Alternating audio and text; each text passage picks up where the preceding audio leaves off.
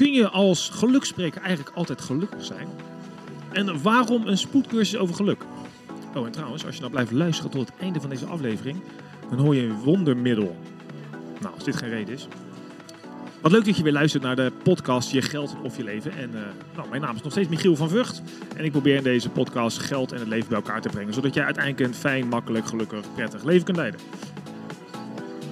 Deze podcast is eh, mede mogelijk gemaakt door NNK Vermogensbeheer. En als je het nou waardeert, wat we doen, uh, althans wat ik doe in deze podcast, geef hem dan 5 sterren. Uh, dan word je beter gevonden. Bedankt hè, daarvoor. En uh, ja, die vragen die ik stel, die stel ik niet zomaar. Want tegenover mij zit op een terras in Apeldoorn niemand minder, minder dan Lonneke van Dassler. Hallo. Goedemorgen. Hallo, wat leuk dat je er bent. Ja, Jij bent geluksspreker, spreker over geluk. En je geeft dus spoedcursus geluk. Ja, dat klopt. Nou, die gaan we natuurlijk niet helemaal doen, want daar moeten mensen jou gewoon voor boeken als spreker. Maar uh, misschien kun je toch wel eens wat zeggen. Uh, uh, wie ben je eigenlijk?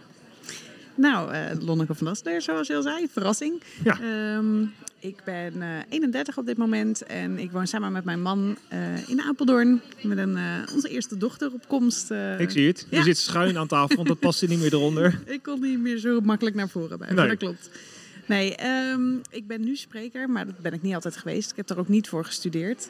Uh, ik heb ooit facility management gestudeerd. Ik ben braaf in die richting ook gaan werken. Een management trainee traject. Uh, meer geld, meer auto's, meer uh, laptops. Ik had alles voor elkaar. En toen had ik op mijn 27e ook die burn-out te pakken. Hartstikke idee. Dus, ja, dat was echt een cadeautje. Ja, nou ja, misschien achteraf wel. Ja, ja, ja, en dat hoor je heel veel mensen zeggen. Ja. Maar dat klopt ook, want op dat moment ga je pas echt nadenken over en wie ben ik eigenlijk? Wat wil ik eigenlijk? Uh, ja. wat, wat, ben ik eigenlijk aan het doen? ja. En ik was gewoon uh, in, de, in de trein gestapt en ik was gewoon gaan rijden. Dus, uh, en gedaan wat hoorde. Precies, ja. precies dat. Nou, toen ben ik gaan nadenken en uiteindelijk na wat baantjes ben ik het management gaan doen van Spreker Paul Smit. Ja. En uh, na hem honderd keer gezien te hebben, dacht ik, hé, hey, dat kan ik ook. Ah joh, precies. dus toen uh, heb ik me ingeschreven en uh, nou, dan werd ik spreker. Ja, want jij hebt dan als ervaringsdeskundige, ja, je hebt zelf die burn-out, dus je dacht, ja, dit moet ik niet hebben. En nou, um, je gaf een beetje aan, je spreekt dan met name over de spoedcursus geluk. met als idee om mensen, misschien hier en daar wel zelfs open deuren, maar dat vind je helemaal niet erg. Maar gewoon om meer mensen mee te geven en te, aan het nadenken te zetten over wat dat dan is, geluk. Ja, precies. Ja, wat, uh, ik zeg dat ook vaak uh, als, als mensen vragen van wat vertel je dan? Het is, het is allemaal niet nieuw. Het zijn veel open deuren, alleen de manier waarop is wel heel verfrissend. Ja. En het is gewoon met een stukje zelfspot, het is met een stukje realiteit en heel herkenbaar uh, voor de mensen die luisteren. Dus daardoor ook heel prettig. Want dat vinden wij mensen gewoon heel prettig. Hè? Herkenbaarheid bij een ander. En oh, ik ben dus niet vreemd. Oh, ik, ik ben het niet ja. uh, verkeerd aan het doen of iets. En uh, er wordt heel veel gelachen. Waardoor je sowieso aan het eind van de spoedcursus uh, voel je je iets gelukkiger. Ja. Maar als het goed is heb je ook wat handvaten mee. En wat praktische ja, echt tips om mee te nemen om uh, in je leven toe, toe, te passen. Ja, precies. Ja. En nou, ik, ik begon natuurlijk, uh, dat is een hele grote vraag die ik misschien wel stelde, realiseerde ik me net. Want voor mij vroeg ik aan het begin, wat is eigenlijk geluk? Ja. Is die vraag überhaupt te beantwoorden? Of heb je er zelf een soort van definitie bij, of wat het betekent? Nou, ik denk dat, dat er geen vaste definitie van geluk bestaat. Want dat zou betekenen dat het weer iets is wat je kunt bereiken of, of kunt behalen uh, als je een bepaalde theorie volgt. Ja. Ik denk dat geluk, dat, dat heeft iedereen. Uh, het hoort bij iedereen apart. Dus iedereen bepaalt voor zichzelf wat het geluksgevoel is bij die persoon. De ene die vindt heel veel geld heel prettig. En de ander die vindt vrije tijd heel prettig. Uh, sommige mensen die geven, hechten heel veel waarde aan feestjes en overal bij zijn. Ja. Terwijl een ander juist thuis met de familie wil zijn. Dat zijn allemaal vormen van uh, impulsen die jouw geluksgevoel versterken. Dus ja, de grootste huiswerkopdracht is toch echt bij jezelf nagaan. Wat maakt jou gelukkig? En daarin keuzes maken. Ja, precies. Ja. Want dat is wel waar. Nou, we hadden het net ook al een beetje in het voorgesprek over. Dat natuurlijk mensen zijn allemaal anders. Je had het zelf ervaren met jouw partner. Met, met mijn partner ook. Wij denken over heel veel dingen gelukkig hetzelfde. Maar er zijn natuurlijk heel veel dingen waar ik wil juist inderdaad... Ik, corona is voor mij helemaal niks. Want ik mis alle mensen om me heen. Ik wil uh, knuffelen en ik wil uh, mensen zien en dingen ervaren. En Merel vindt, Corona maakt jou niet gelukkig. maakt me niet per se heel gelukkig. Oh. Nee. Ja, nou, en Merel vindt het aan de andere kant wel prettig soms. Ja, het is wat minder druk. Weet je wel. We hoeven niet meer alles. Je kan niet op alle feestjes opdraven. En we hebben minder het gedoe met al die kinderen die overal heen moeten met alle sport en zo. Dus het is een stuk rustiger. En ik snap het niet. Zij snapt mij niet. Ja, je moet dan snappen dat je elkaar niet snapt of zo, weet je wel. Ja. Maar dat is inderdaad heel erg verschillend voor iedereen. Begint het daar dan ook mee? Dat als je eh, een zaal toespreekt, dat je zegt, joh, wat is nou, eh, wat maakt je gelukkig? Ja, het is wel echt dat je, dat je bij jezelf nagaat van wat maakt mij gelukkig. Dat is wel echt de, de basis. Hoe kom je erachter En, dan? en dan vervolgens keuzes maken. Ja, je kan op een hutje op de hei gaan zitten drie dagen lang en eh, in stilte retretten. Eh, de meeste mensen hebben daar geen tijd voor. dus wat je dan kan doen, en dat zijn de praktische tips die ik geef. hè. Google gewoon eens een lijstje met normen en waarden.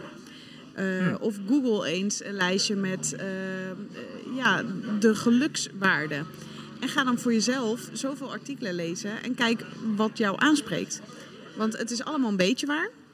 En doordat jij een mix maakt van de dingen die jou het meest aanspreken, kom je erachter wat voor jou dus het meest belangrijk is. En waarom zijn normen en waarden belangrijk als het gaat om geluk?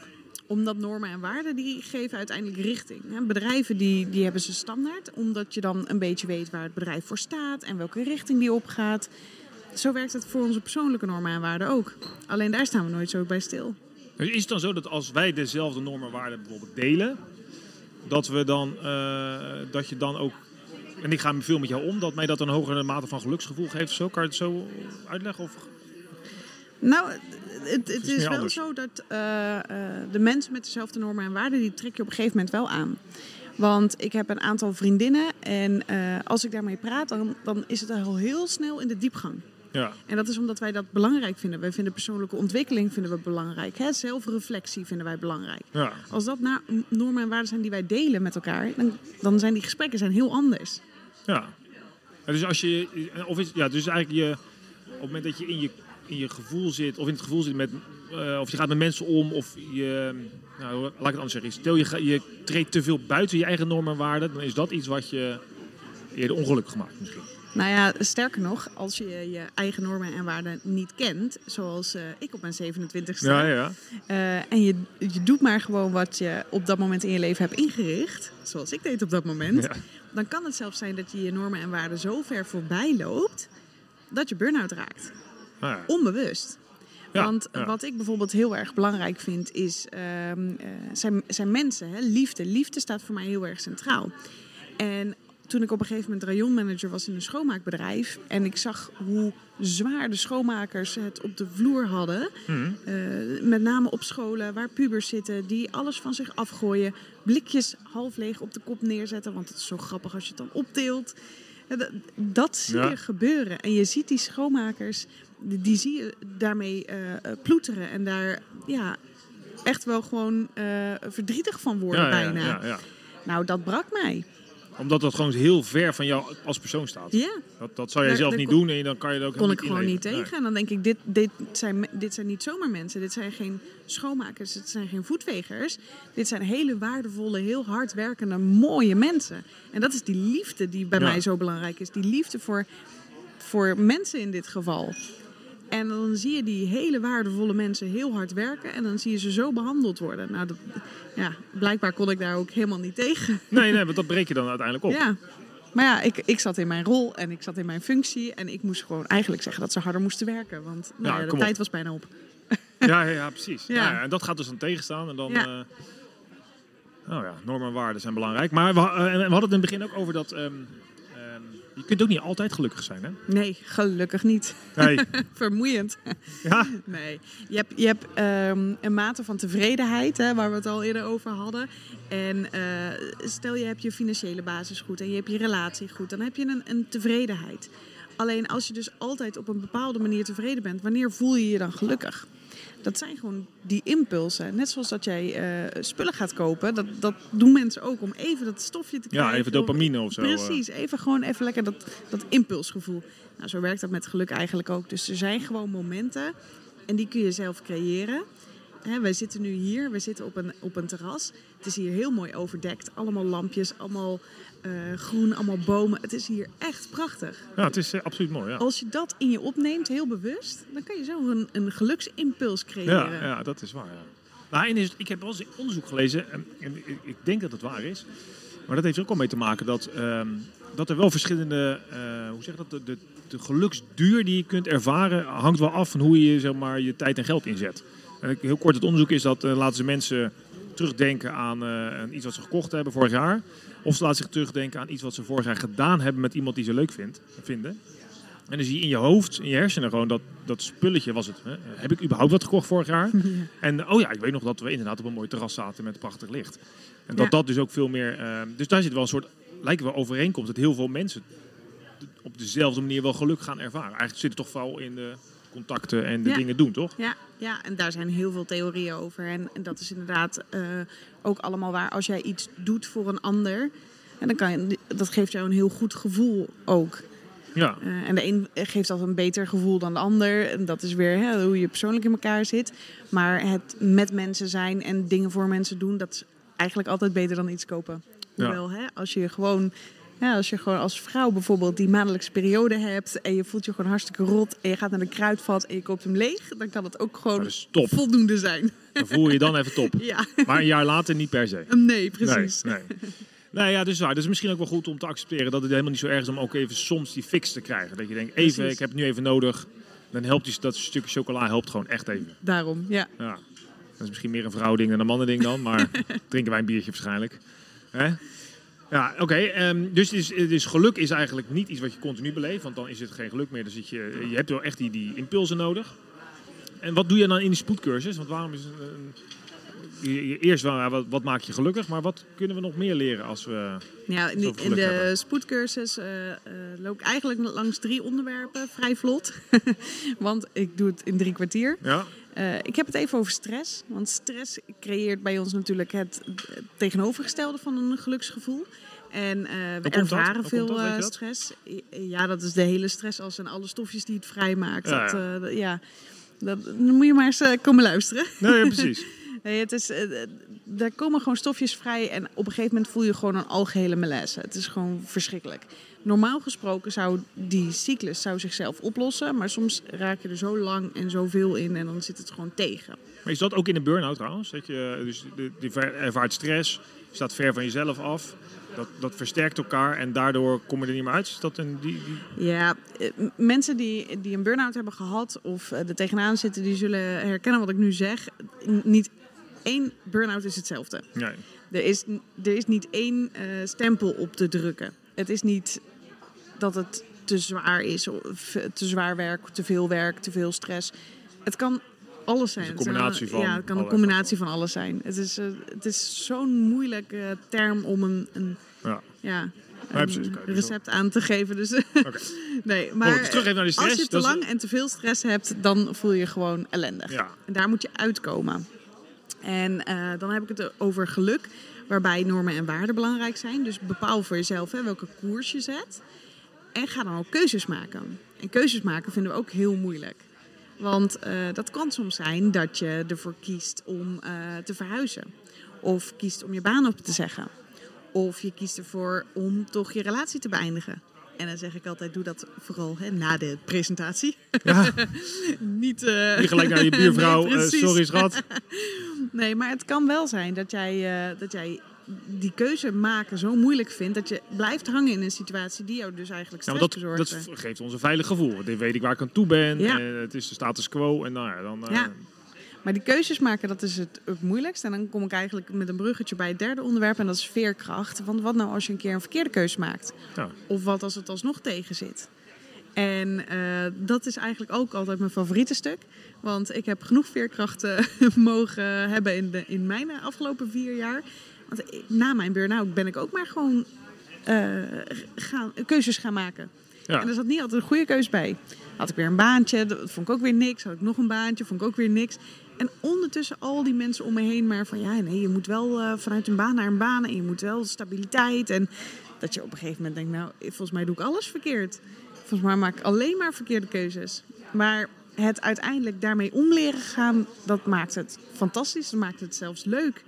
Oh ja? Eh, Je, kijkt nu uit naar een verkeerde beslissing. Ja, ik heb een heerlijke eh, ongeregeld zooitje wat, eh, wat mijn leven is. Ja, dat wordt echt fantastisch. Volgend jaar ook met die kleine. Ik zal genoeg verkeerde keuzes maken. Oh, was zeker, ja. Ja, maar het is, het is die veerkracht en hoe je ermee omgaat en hoe je er, hè, hoe je er naar kijkt. Dat, dat maakt dat je dan weer ja, gewoon opstaat en een nieuwe keus maakt. Oké, en het begint dus nog heel even. hoor. Je had het over drie stappen. Dus als ik het goed eh, zeg, stress, eh, dat is belangrijk dat je dat. Nou ja, het eerst moet je maar weten dat je in een stresssituatie zit. Dat herken je misschien. Ja. Dan moet je de juiste keuzes maken. Maar het lukt niet altijd. En dan heb je dus belangrijk dat je veerkracht nodig hebt om daaruit te komen. Precies. Nou, en de mensen die luisteren zullen in allerlei van die fases kunnen zitten. Sommigen zitten vol in de stressfase. Daar kom je misschien zelf niet eens uit. Soms heb je hulp nodig, denk ik. Hè? Ja, en soms heb je hulp nodig. Eh, het zijn een aantal basisdingen die daar wel altijd heel goed voor helpen. En dat is open deur, eh, slaap, voeding en beweging. Ja, hè? Ja. Maar dat, dat is echt de basis. Want jouw lijf wil jou al helpen in dat hele stressgebeuren. Ja. Jouw lijf wil continu in balans zijn. Een soort homeostase noemen ze dat. Eh, dat is continu op zoek naar een balans.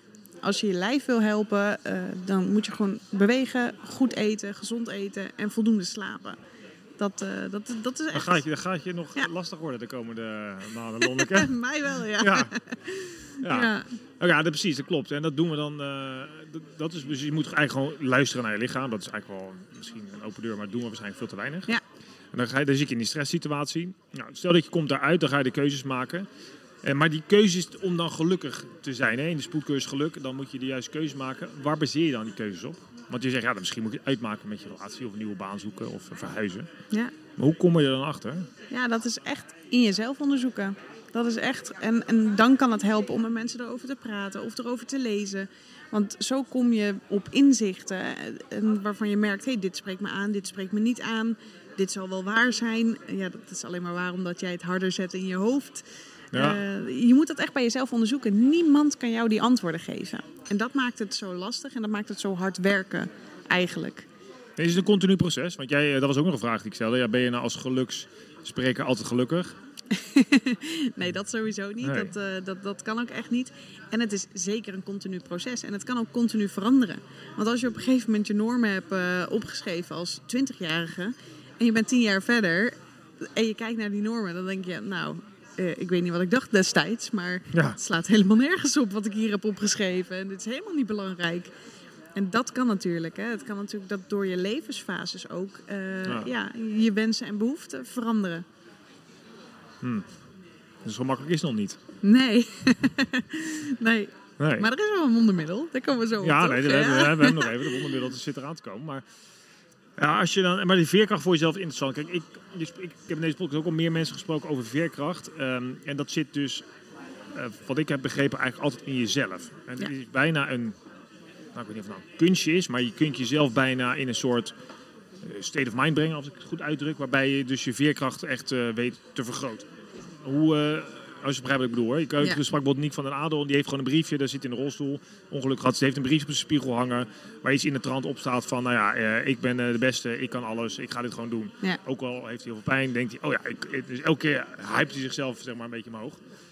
Ehm, dat is voor hem ook een van de stapjes richting een veerkrachtig leven. Maar hoe, hoe zie jij dat dan? Want hoe, je hebt zelf ook, nou, dit baantje wil je tegen, dat viel tegen. Hoe heb je die veerkracht, hoe ontwikkel je die dan de hele tijd? Of Ehm, blijf je die ontwikkelen? Ja, nee. eh, het is wel grappig, want jij deed net dus een state of mind. Dan deed je hand een beetje bij je, bij je hoofd. Maar het zit echt tussen je oren. Ja, Het, eh, eh, onze gedachten. We hebben meerdere lagen in het brein. Hè. Neurowetenschappelijk gezien heb je het reptiele brein, wat altijd gewoon veiligheid en routine wil. Je hebt je zoogdierenbrein, wat continu eh, lol wil en pijn wil vermijden. En je hebt die neocortex. En die neocortex, eh, ja, er zit ook je ego. Dat, dat is gewoon dat, dat, die gedachtegang. Die Is dat ons een stemmetje? Continu, ja, dat, dat zijn die, die Steller en Waldorf die continu Ja, ja, in ons hoofd zitten en, en mee zitten te praten. En allerlei ideeën hebben bij, bij wat we doen. En eh, die gaan je op een gegeven moment in de weg zitten. Als je, eh, die gaan allerlei verhalen bedenken bij wat er gebeurt. Dus er zit iets tegen en dan hoor je dat stemmetje. Ja, ik ben ook gewoon niet goed genoeg. Of eh, mensen vinden me ook niet leuk zoals ik nu ben. En eh, ben ik wel goed genoeg voor de wereld? Nou, als je daarin gaat hangen en je merkt dat die gedachten ontstaan, dan gaat een heel stuk van mijn presentatie over. Al die wolkjes van gedachten die vinden maar plaats op één plek, namelijk in je hoofd. ja. Als je dat beseft hebt en je bedenkt, oké, als ik wakker word 's morgens, dan heb je heel even dat gevoel van oh, relaxed en dan poef, komen al die gedachten weer terug. Maar als je bes- beseft dat dat allemaal losse wolkjes zijn in je hoofd, alleen al dat besef, Dat jij het Zorg zelf dat jij niet er- eens bent. precies, zorgt dat je er anders naar kijkt. Want ik las laatst het eh, boek van, heet die, Mo Gawdat of zo. Ken je dat? Ja, die heeft ook zijn boek geschreven over geluk. En die zei ook zoiets van, ja, eh, als je naar, naar baby's kijkt, nou dat zou je straks ervaren. Ja, wat doen die? Ja, die, die huilen, poepen, slapen. En eh, op een gegeven moment gaan ze lachen. Ja, Maar dat is hun standaard eh, emotie, weet je. Ze kunnen huilen en lachen, maar ze hebben nog niet al die stemmetjes. Ze hebben nog geen ervaringen, ze hebben nog geen patroon, ze hebben nog niks geleerd. Dus de intentie is gewoon, nou, ik ben vaak vrolijk of ik heb pijn in mijn buik en ik moet poepen. Dan ga ik huilen. Maar wij worden, naarmate we ouder worden, gaan we al die wolkjes natuurlijk zien. En dat, je, je noemde er een aantal. En waarschijnlijk komen die van, ja, dat je ouders zeiden dit en je vrienden zeiden zus. En op het Ja. nieuws hoorde je zo. En dan hoor je een wolkje, oh, ik kan dit niet. Oh, moet ik dat wel doen? Maar dan ben je waarschijnlijk zelf niet eens echt. Als je dat, dat zeg je Nee, eigenlijk. Als je en- en bewust dat, bent. Dat is het grappige. Eh, kinderen inderdaad, vanaf dat ze anderhalf zijn, hebben ze dat besef, hé, hey, dat, dat ben ik. En vanaf dan begint eigenlijk de ellende. Ja, ja. Hè, en, dan, en dan gaan ze naar school en dan moeten ze cijfers halen. En dan, moeten ze in dat, en dan als ze de cijfers niet halen, dan zijn ze niet goed genoeg. En Ja. nou ja, dan begint eigenlijk die vorming van al die, eh, ben ik goed genoeg, Eh, doe ik er wel toe. Ehm, ja, dan, dan ga je dus voor jezelf oplossingen bedenken in, oké, maar als ik dan nu het niet goed heb, als ik dan, dan straks daar ben, dan eh, zal het vast beter met me gaan. Dus dan ga je allemaal dingen bedenken in, in het hoofd wat dan de oplossing zou moeten zijn. Maar eigenlijk eh, moet je gewoon al die wolkjes wegdenken. Nou, Zo, klaar. Hoppakee, klaar. en heb je die wolkjes, die, eh, die zou eigenlijk een naam moeten geven of zo? Je Ja. denkt, oh, nu praat, hè, dit Ja. is niet Michiel die praat, maar dit is, eh, weet ik veel, eh, Michelangelo. En denk ik, nou ja, Michelangelo, mooi, maar terug, hup, terug in je hok. Ja, nou, er is een hele leuke animatiefilm, Inside Out. Je hebt kinderen, toch? Ja. Heb je die al gezien? ja, dat is met die vier emoties, vijf emoties, toch? Ja, precies. Ja, ja, het is is- echt, het is, het is zogenaamd een kinderfilm, maar het is het fantastische, ja, eigenlijk beeld van hoe het in ons hoofd kan zijn. Ja. Er kunnen gewoon allerlei emoties en dat worden dan andere poppetjes die het overnemen.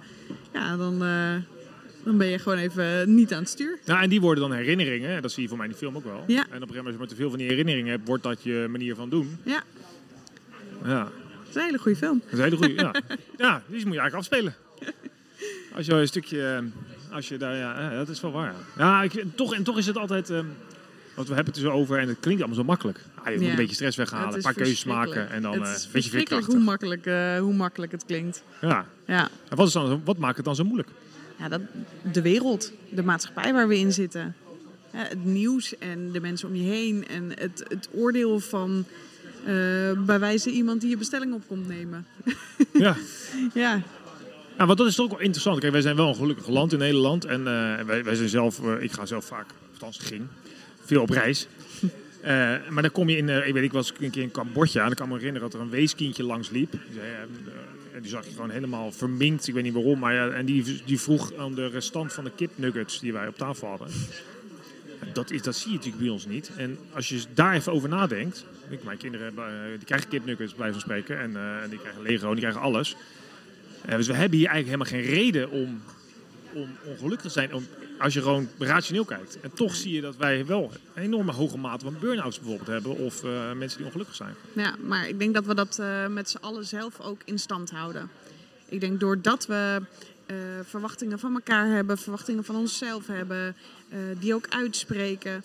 Puur al in mijn relatie, dat, dat mijn man zo hard werkt en dan wel eens zegt van, goh, wat, wat lekker dat jij veel vrije tijd hebt. Ja, dan, gaat mijn hoofd alweer van, oh, eh, ik werk niet hard genoeg, ik zou harder kunnen werken. Zo hou je dat allemaal zelf in stand.